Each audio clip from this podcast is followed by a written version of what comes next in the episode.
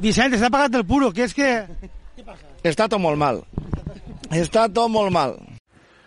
Che, està tot molt mal, molt mal està tot.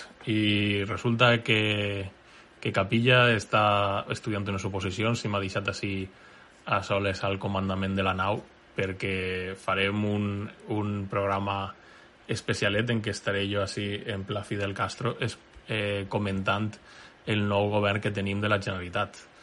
Així rapidet per explicar-vos quatre cosetes i anar donant eh, una anàlisi del que anem veient.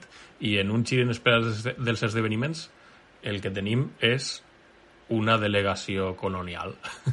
es podria resumir així, sense més tipus de, de problemes ni més floritures. Simplement, o sigui, el perfil polític del Consell, en el sentit entenent polític, com a, com a que pot marcar un perfil propi dins del que són els eh, diferents governs autonòmics de l'estat espanyol, doncs és zero.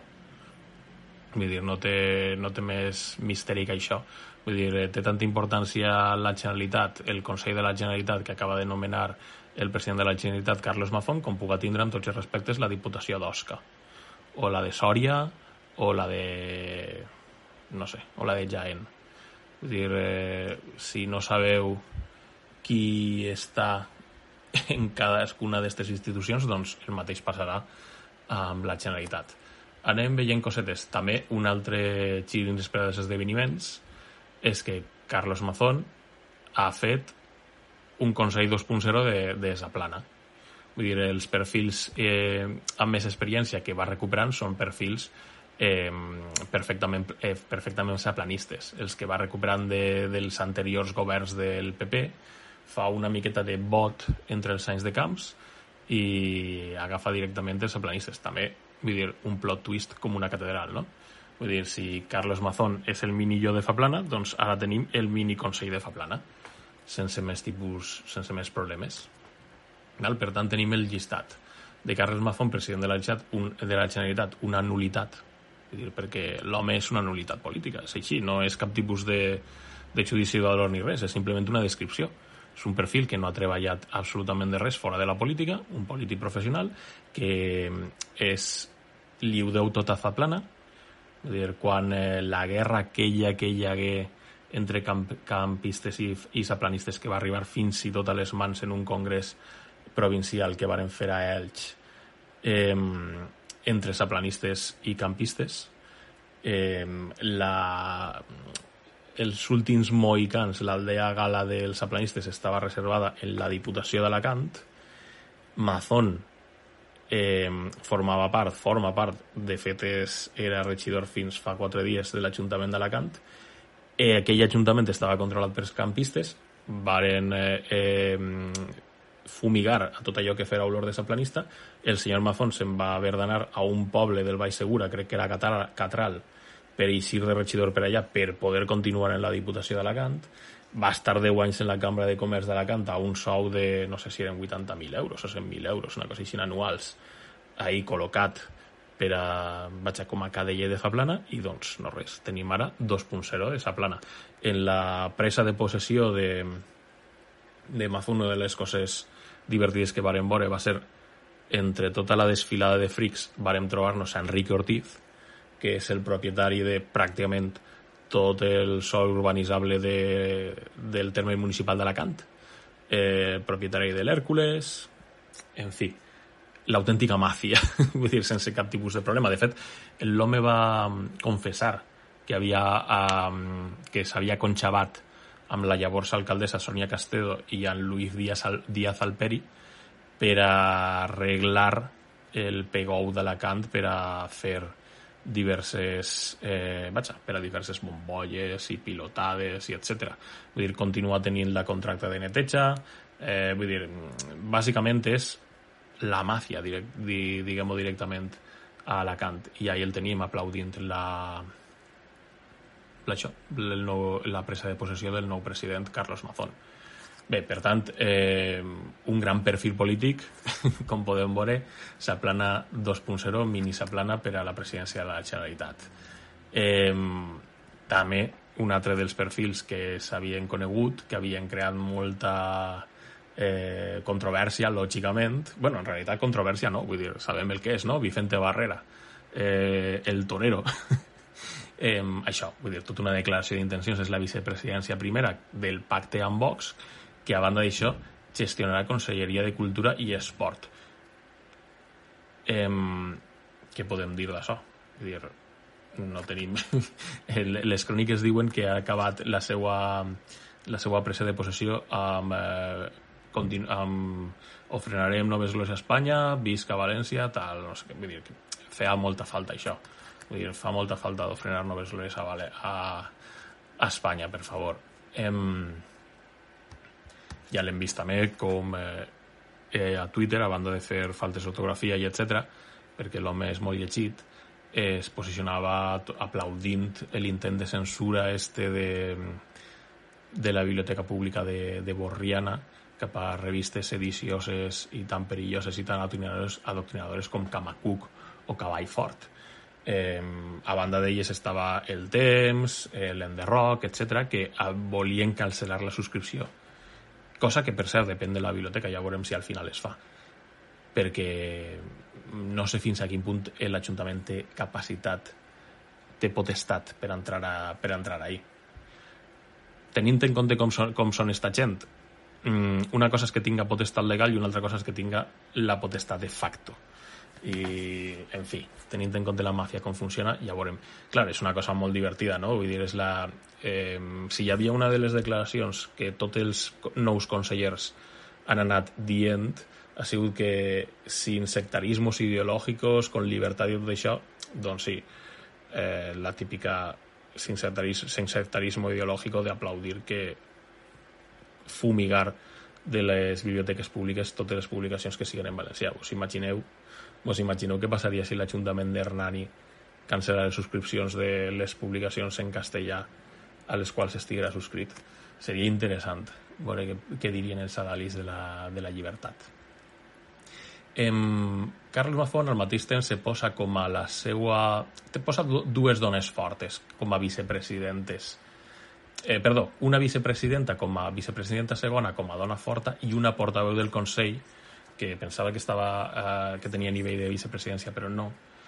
I és una cosa curiosa. En primer lloc, la eh, Susana Camarero, val? sa planista, per descomptat, que diu que fa una crida a recuperar la bona política sense exclusions ni sectarismes, diversió, Conselleria de Serveis Socials, Igualtat, atenció així, Habitatge i Secretaria del Consell. Eh, sembla que té una... vull dir, que té certa trajectòria de, de, de tècnica, tècnica de, de, en igualtat en l'administració i totes aquestes coses. Eh, per tant, és ixa rentada de cara, ixa llevada de cara que es fa de cara a, a dir, no, sí, nosaltres hem pactat amb un agressor, amb un maltractador, però eh, que, que no, que som aliades, eh? que, no, que som aliadis, que no se'ns no se'ns entenga malament. En, en fi, ja vos podem imaginar una cosa que, si no m'equivoque, com a consellera de Serveis Socials, vicepresidenta segona, és la que agafaria les competències que li, que li corresponien a Mònica Oltra. Per tant, serà interessant veure com eh, gestionarà la dependència. En un gir inesperat dels esdeveniments, mm, què vaticimen que farà en, des d'esta conselleria? Doncs eh, saquejar. eh, literalment, sense cap tipus de problema. Vull dir, una dona que ja estava eh, com, a, com en un perfil eh, més de segona fila amb, eh, amb els governs de Zaplana, doncs això, eh, què hem de fer? Vull dir, per exemple, Secretaria d'Estat de Serveis Socials i Igualtat en els últims governs de Mariano Rajoy. Bé, advocada, com no, vull dir, el, eh, va ser ponent de la llei d'igualtat, eh, perdó, de la llei de, contra la violència de gènere famosa, va ser ponent quan era diputada amb el PP.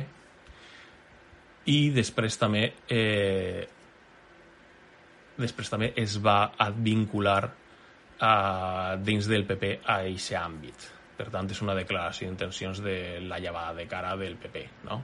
Però sobretot el que és interessant és això, un perfil zaplanista de màxima confiança de Mazón. I l'altra sorpresa que ha fet Mazón en el Consell, en estos primers perfils, de la que li ha, li ha correspost la portaveu del Consell és Ruf Merino, tècnica d'Hisenda, consellera d'Hisenda, Economia i Administració, atenció, que és un... És, eh, per tant, portaveu del Consell a Hisenda, Economia i Administració Pública, vull dir, és un dels perfils forts, i és per a Ruth Merino, que era diputada de Ciutadans. D'estes que les primeres que van abandonar el vaixell, que ja sabeu que, que, quins són els primers que abandonen el vaixell, doncs esta, el vaixell de Ciudadanos, de les primeres. Mà dreta també, eh, vull dir, se quedarà com a mà dreta de Mazón en el sentit de, novament, la clau fa plana. Vull dir, si, els, si a, a les comarques del sud el saplanisme va muntar Ciudadanos, recordeu aquelles fotos famoses de Zaplana, Albert Rivera i tot el rotllo, doncs bé, mm, cap problema. Eh, tornen a casa per Nadal, que és el que toca, bé, en el Nadal austral. Tenim eh, conselleria, la Conselleria de Justícia i Interior un altre perfil de Vox, de Vox, Elisa Núñez, que té uns quants miracles en el currículum, perquè va aconseguir el doctorat en dret abans que la llicenciatura en dret i, a banda d'això, també és llicenciada en Ciències Religioses, que és molt interessant això de les ciències religioses. És una miqueta una carrera de... tot un oxímoron de carrera, no? Eh, ja, ja vos podeu imaginar el perfil, vull dir, tornem una altra vegada a... a clar, evidentment per, per eh, universitats, la Universitat Pontifícia de Comillas, la Universitat Catòlica, Sant Vicent Màrtir, etc etc. Tot eh, centres punters en la investigació acadèmica. Eh, perfil Vox, pur i dur. Tenim un torero, ciències religioses, en universitats catòliques, Meleta de Romer. Després tenim a veure, tenim també el conseller de Sanitat, el, el pressupost més gran de la Generalitat, o, oh, sorpresa, tenim a un tal Marciano, no és broma, no m'ho estic inventant, li diuen Marciano Gómez, i resulta que va ser un dels que varen posar en marxa el model Alzira de privatització de la sanitat. Plot twist, sorpresa, una altra vegada.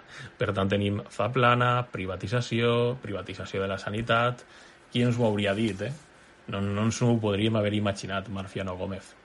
Impossible de saber. Que al, re, al respecte, en aquest sentit, eh, la, precisament la campanya del PP, que és el que fan sempre, amaguen, neguen, prometen el contrari, no? Vull dir, eh, teníem ahir el cas de la sanitat en el departament de la, de la Marina, eh, l'hospital de Marina Tagut, l'hospital de Dènia, que el PP local va prometre durant, de, durant la campanya que revertiria la salut pública i després, a l'endemà de votar, oh sorpresa, que mira que no. I ara el Consell de Sanitat serà esta persona impulsora del eh, ideòleg del model Alcira. Per tant, ja us podeu imaginar el que tindrem, no? La pregunta és, tornarà a privatitzar-se l'Hospital d'Alzira i l'Hospital de Torrevella només en una legislatura? si tenim en compte que l'esquerra sempre fa aquestes coses que pel que diran no fa res, jo fins i tot apostaria que sí. Ja veurem, ja veurem. Però, vaja, droga dura. L'altra conselleria que més despesa pública té, educació, que ens deien que, que podia ser que caiguera en mans de Vox. El PP no deixaria que educació caiguera en mans de Vox, per una senzilla raó, vull dir, al final les prioritats dels dos vull dir, que el que faran els dos són polítiques molt fatxes i, i clavar-me a la caixa. Vull dir, saqueig i fer el cavernícola, això ho tenim clar però cadascuna de, le, de les dues faccions té com una prioritat la prioritat del PP ja sabem quina és, que és saquejar la prioritat de Vox és fer el cabra. Doncs eh, les dues són una miqueta excloents. Si Vox fa massa el cabra, el PP no tindrà massa facilitats per a anar saquejant tot el que vulgui perquè hi haurà massa soroll mediàtic pel mig i al contrari doncs eh, de cap de les maneres el PP hauria cedit una conselleria com educació a Vox. Que d'altra banda el PP bàsicament es queda tota la gestió. Que no és que siga vull dir, això, això a Vox té molt menys pes Vox en este Consell del que tenia compromís o Podemos en els consells anteriors respecte al PSOE, però això en realitat eh, a Vox no té per què sentar-li malament, perquè moltes vegades els partits de l'esquerra alternativa es pensen que allò important és fer la gestió, la gestió, la gestió i fer una bona gestió. I en realitat no té massa importància això de cara a, a, a la, la incidència que pugues tindre en la, en la societat i la incidència política que pugues tindre si Vox va clavant la seva agenda, ja veurem si té certa importància tot, tot el, el pressupost que gestione o no gestione. Vull dir, per exemple, des de cultura, Vox és molt perillós, perquè precisament ahí és on està fent la famosa guerra cultural, no? Se'n pot fer molt de mal. Eh, és un cert miratge, aquestes conselleries d'educació i de sanitat, perquè gestionen molt de pressupost, però bàsicament el pressupost són pagar nòmines, no ens equivoquem el pressupost d'aquestes conselleries. Així com realment el pressupost de la Generalitat no, bàsicament és alçar i baixar la persiana. I fins i tot si, si es pot, perquè la conselleria que més despesa té de totes és la del deute, la del servei del deute, pagament del deute i els interessos del deute. Bé, en fi, tenim ahir uh, droga dura, no? drogadura. El Consell d'Educació és un consell de màxima és un perfil, perdó, de màxima confiança de, de Carlos Mafón, una altra vegada, fa planisme, novament, de José Antonio Rovira, d'Alacant, Consell d'Educació, Universitats i Ocupació, de la Universitat d'Alacant, eh, i bé, és una persona que en principi, en principi, el seu perfil, mm, en principi, tot i que, com estem veient, és la tònica que, que continuem seguint. És un perfil baix. Perfil baix que ara s'ha de... Vull dir, ha fet algunes declaracions lògiques, tampoc no ha creat massa, massa rebombori conforme podria ser, lògiques des del seu punt de vista, clar, evidentment. Vull dir, el primer que ha fet, has, però eh, vull dir, ha, ha estat molt, eh, molt ben enfocat des del seu punt de vista, no? perquè, eh, evidentment, ha dit eh, el típic, la típica les típiques barbaritats de la dreta, que si la llibertat d'elecció, que si el posar fi a l'exclusió de l'espanyol i totes aquestes coses. En fi, en la boca més menudeta, perquè sobretot ho ha, ho ha centrat al baix segura, com sempre la, la baula més dèbil de la cadena, i en una cosa que, que, que està mal feta, les coses com són.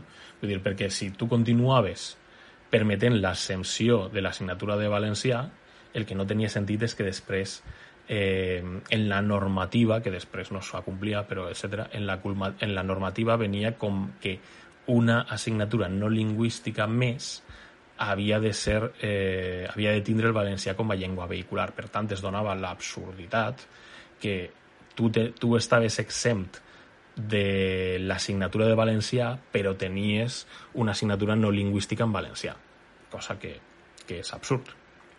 Bé, en tot cas, el que hauria, eh, la prioritat que s'haurien d'haver posat en aquell moment eh, hauria haver sigut treballar i acabar amb la, eh, posar fi a l'exempció de l'ensenyament de del valencià en les comarques històricament castellanoparlants, que en la LUEF es va introduir com a eh, temporal, en una redacció que mm, vull dir, en una redacció que curiosament ha quedat establet com si foren les taules de la llei, que això és un dret que està eh, blindat, quan en realitat la redacció, diri, la redacció conforme està diria que 40 anys després està incomplint la LUEF.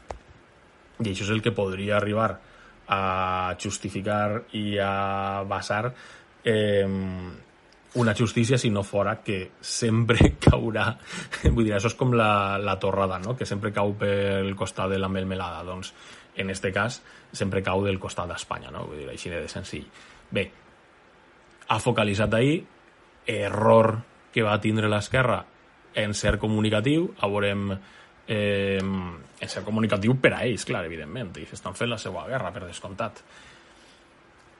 En el, com a si volem ser optimistes, en principi, si Mazón ha posat a este perfil tan baix i de màxima confiança, en principi no voldrà massa guerra en educació. En principi. Ja veurem com va la cosa. Però, vaja. Tenim més cosetes. Eh, José Luis Aguirre, Conselleria de Cultura, Ganaderia, eh, Ramaderia i Pesca, perdó. Clar, una, una altra de les coses que han fet ha sigut que el primer que han fet tota esta gent quan ha pres possessió del càrrec ha sigut entrar a les xarxes i allà on posava Conselleria d'Agricultura, Ramaderia i Pesca, eh, fora lo de transició climàtica i totes aquestes coses, bla, bla, més així per flot, és tot a fer la mà, evidentment, i, de, per, i per descomptat en espanyol i no en dialectos, para que lo entiendan en todo el mundo mundial y el universo. Val, eh, no res, tampoc no té massa no té massa misteri, esta li correspon a Vox, José Luis Aguirre, val? Vull dir, era diputat, sector del camp, eh, 62 anys... Mm, bé, com a curiosa, com a dada curiosa està que es queda fora Vox no té el departament de casa. Llàstima, llàstima, això els fotrà. això els fotrà.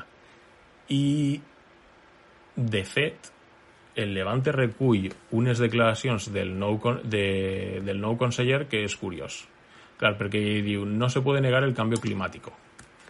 El nou conseller de Vox. Clar, que dirà, no?, que, este, que, canvi, de clima n'hi han hagut eh, tota la història i tot això, però el titular és, és, és curiós, no? Vull dir, no se puede negar el canvi climàtic. Dius, hòstia, Vox reconeguent el globalisme, l'agenda, no. Diu, eh, aunque otra cosa son las causas, porque el clima cambia a lo largo de la historia y hay que proteger la naturaleza y hacer una apuesta por la economía circular. Bla, bla, bla, bla, bla, bla, bla. Vaja. En fi. Eh, perfil... Perfil... Eh, perfil ultra. Ultra, i, però vaja, vull dir, no... També un perfil una miqueta baixet. Eh, suposa que ens donarà eh, bones vesprades d'alegries perquè Ausa és mareta. El perfil baix d'esta gent és, és la drogadura. Més perfil baix, eh, Salomé Pradas, Conselleria de Medi Ambient, Aigua, Infraestructures i Territori, es queda també aigua, el medi ambient també se'l queda al PP, l'única consellera que... Tots, tots els consellers han xurat, no han promès aquestes coses, no? Que l'esquerra promet els càrrecs, la, la dreta és xura, per mi consciència i honor, i totes aquestes coses. Eh, que, per cert, el insigne Gregorio Salvador de la Real Acadèmia Espanyola de la Llengua, quan es va posar aquestes perro flautades avant la let eh, de moda en els anys 80, deia que això de prometre que, que no podia ser, que s'havia de prohibir, que, era, que s'havia de jurar, perquè prometre no valia per a res, perquè bla, bla, bla, en fi, eh, per parlar de, caver, de qüestions cavernícoles. És de Castelló, l'única que ha jurat en valencià, perfil baix, que no hi hagi massa... Vull dir, controla la Conselleria de Medi Ambient perquè Vox no faci massa, massa al cabra, con, també la d'aigua per a continuar fent demagògia. Bé, mmm, la veritat és que poqueta cosa no tindrà massa no tindrà massa misteri. I hem deixat per al final la bomba, la part més interessant, i en la que acabarem i clourem l'anàlisi esta, perquè, a veure, una bomba, una bomba. És el perfil, si estaven dient que el perfil polític estava pel subsol d'este Consell, eh, en el cas que tenim ara és encara menys perfil polític, segons es diu la premsa, que sempre la presenten com a tècnica. Sí, ja, val. De la mateixa manera que sempre diuen això de sense, sin sectarismo, sin ideologies. Quan algú diga que vol governar sense ideologies, vull dir, eh, agafeu-vos la mala cartera. Vull dir, evidentment tot és ideologia, no? I este deia que és l'autèntica bomba del nomenament perquè és una declaració d'intencions que vaja, eh, vull dir, no pot ser més clara esta, eh, com a declaració d'intencions. Atenció, Núria Montes, consellera d'Innovació, Indústria, Comerç i last but no, not least, i mai millor dit, turisme. Per què dic això? Perquè la Conselleria d'Innovació, Indústria, Comerç i Turisme resulta que era una secretària tècnica de la patronal Osbec de l'hostaleria eh, amb centre a Benidorm. Vull dir, la, que curiosament també és una de les patronals hoteleres més cafres de tota Europa. No de tota Europa occidental, sinó de tota Europa en general. I no sé si podria dir del nom del món. Vull dir, perquè la veritat és que, la, vull dir, per exemple, tota la guerra esta contra la taxa turística és senzillament ridícula. No, ja no, vaig, no és ja per qüestions d'entrar en eh, qüestions d'argumentacions, ideologies polítiques, com diuen ells i totes aquestes coses, no? Vull dir, és que eh, la, el, la guerra contra la taxa turística esta és, és que és, és de fer el ridícul no és ja ni de defensar els, seu, els seus interessos. Quan tens la taxa turística a tota Europa perquè és de tant de trellat i de sentit comú que no... Vull dir, és que no, la tens a Milà, la tens a Lisboa, la tens a, a París, la tens a Amsterdam, la tens a, a Roma, la tens a tot arreu, no? I estos, eh, això, contra la taxa turística, doncs, una madrilenya la vull dir, si abans en el Consell anterior teníem a Francesc Colomer, que era el delegat d'Osbec en el Consell, en esta vegada ja no cal ni intermediaris, vull dir, estan directament ells, no? I damunt, en la Conselleria d'Innovació i Indústria, que ja sabeu per on va el tema, vull dir, la innovació i la indústria que volen per a, vull dir, el seu objectiu, no? el seu full de ruta, el, el camí que faran és això, vull dir, més sol i platja, més turisme de borratxera, més precarització, me, eh, menys valor afegit, més turistificació, que estem completament saturadíssims, fins a un extrem que ja no es tracta ni tan sols des d'un punt de vista així que podrien dir ells de perroflaute, d'amiguets dels pardalets i totes aquestes coses, no, no, no, sinó que és directament antieconòmic antieconòmic en el sentit de, de, de creixement econòmic amb valor afegit. Vull dir, arriba un moment en què el turisme, que és una activitat, evidentment, que és interessant perquè és, direct, és directament entren rendes des de l'exterior a l'interior, no? Vull dir, però arriba un moment en què és contraproduent. Vull dir, arriba, més turisme és més pobresa. Vull dir, eh, passat un llindar, no? Vull dir, aquest llindar l'hem passat eh, en fi, fa molt de temps. No podríem dir des d'una galàxia molt, molt llunyana perquè, vaja, tampoc el turisme, el boom del turisme dels anys 60, per tant, eh, jo què sé, vull dir, mig segle, tampoc no ens posem tan, tan adamistes nosaltres, no? Però, vaja, vull dir, com a, com a declaració d'intencions està guapeta. Si mireu un mapa de la renda, de la renda mitjana i de la, les, el, eh, les comarques amb situació de amb més percentatge d'exclusió social, de risc de pobresa, etc., la correlació amb les comarques més, que més pes del turisme tenen és, és, és perfecta. Vull dir, el Maestrat el, és la, el Baix Maestrat és la comarca del nord que més eh, que menys renda per capita té. El Baix Segura és la de tot el país que menys renda per, capi, que per capita té i que més perill de, de, de risc d'exclusió té. Les marines, etc etc. no? Vull dir, no, no té cap tipus de misteri. Això. I doncs la declaració d'intencions és clara. Una madrilenya, que és directament Osbec, no és ni tan sols el delegat Osbec. En fi, doncs això, la l'administració de la colònia. No té més misteri. Vull dir, tampoc no, no es pot dir que hagin enganyat a ningú. Tu veies Amazon i veies això. Doncs així, no arriba ni a virrei. Ahí teniu el delegat que administra la colònia sense sense més problemes, no? Sense... Vaja, que passa completament desapercebut. I això la... vaja, el resum, molt senzill. Està tot molt mal.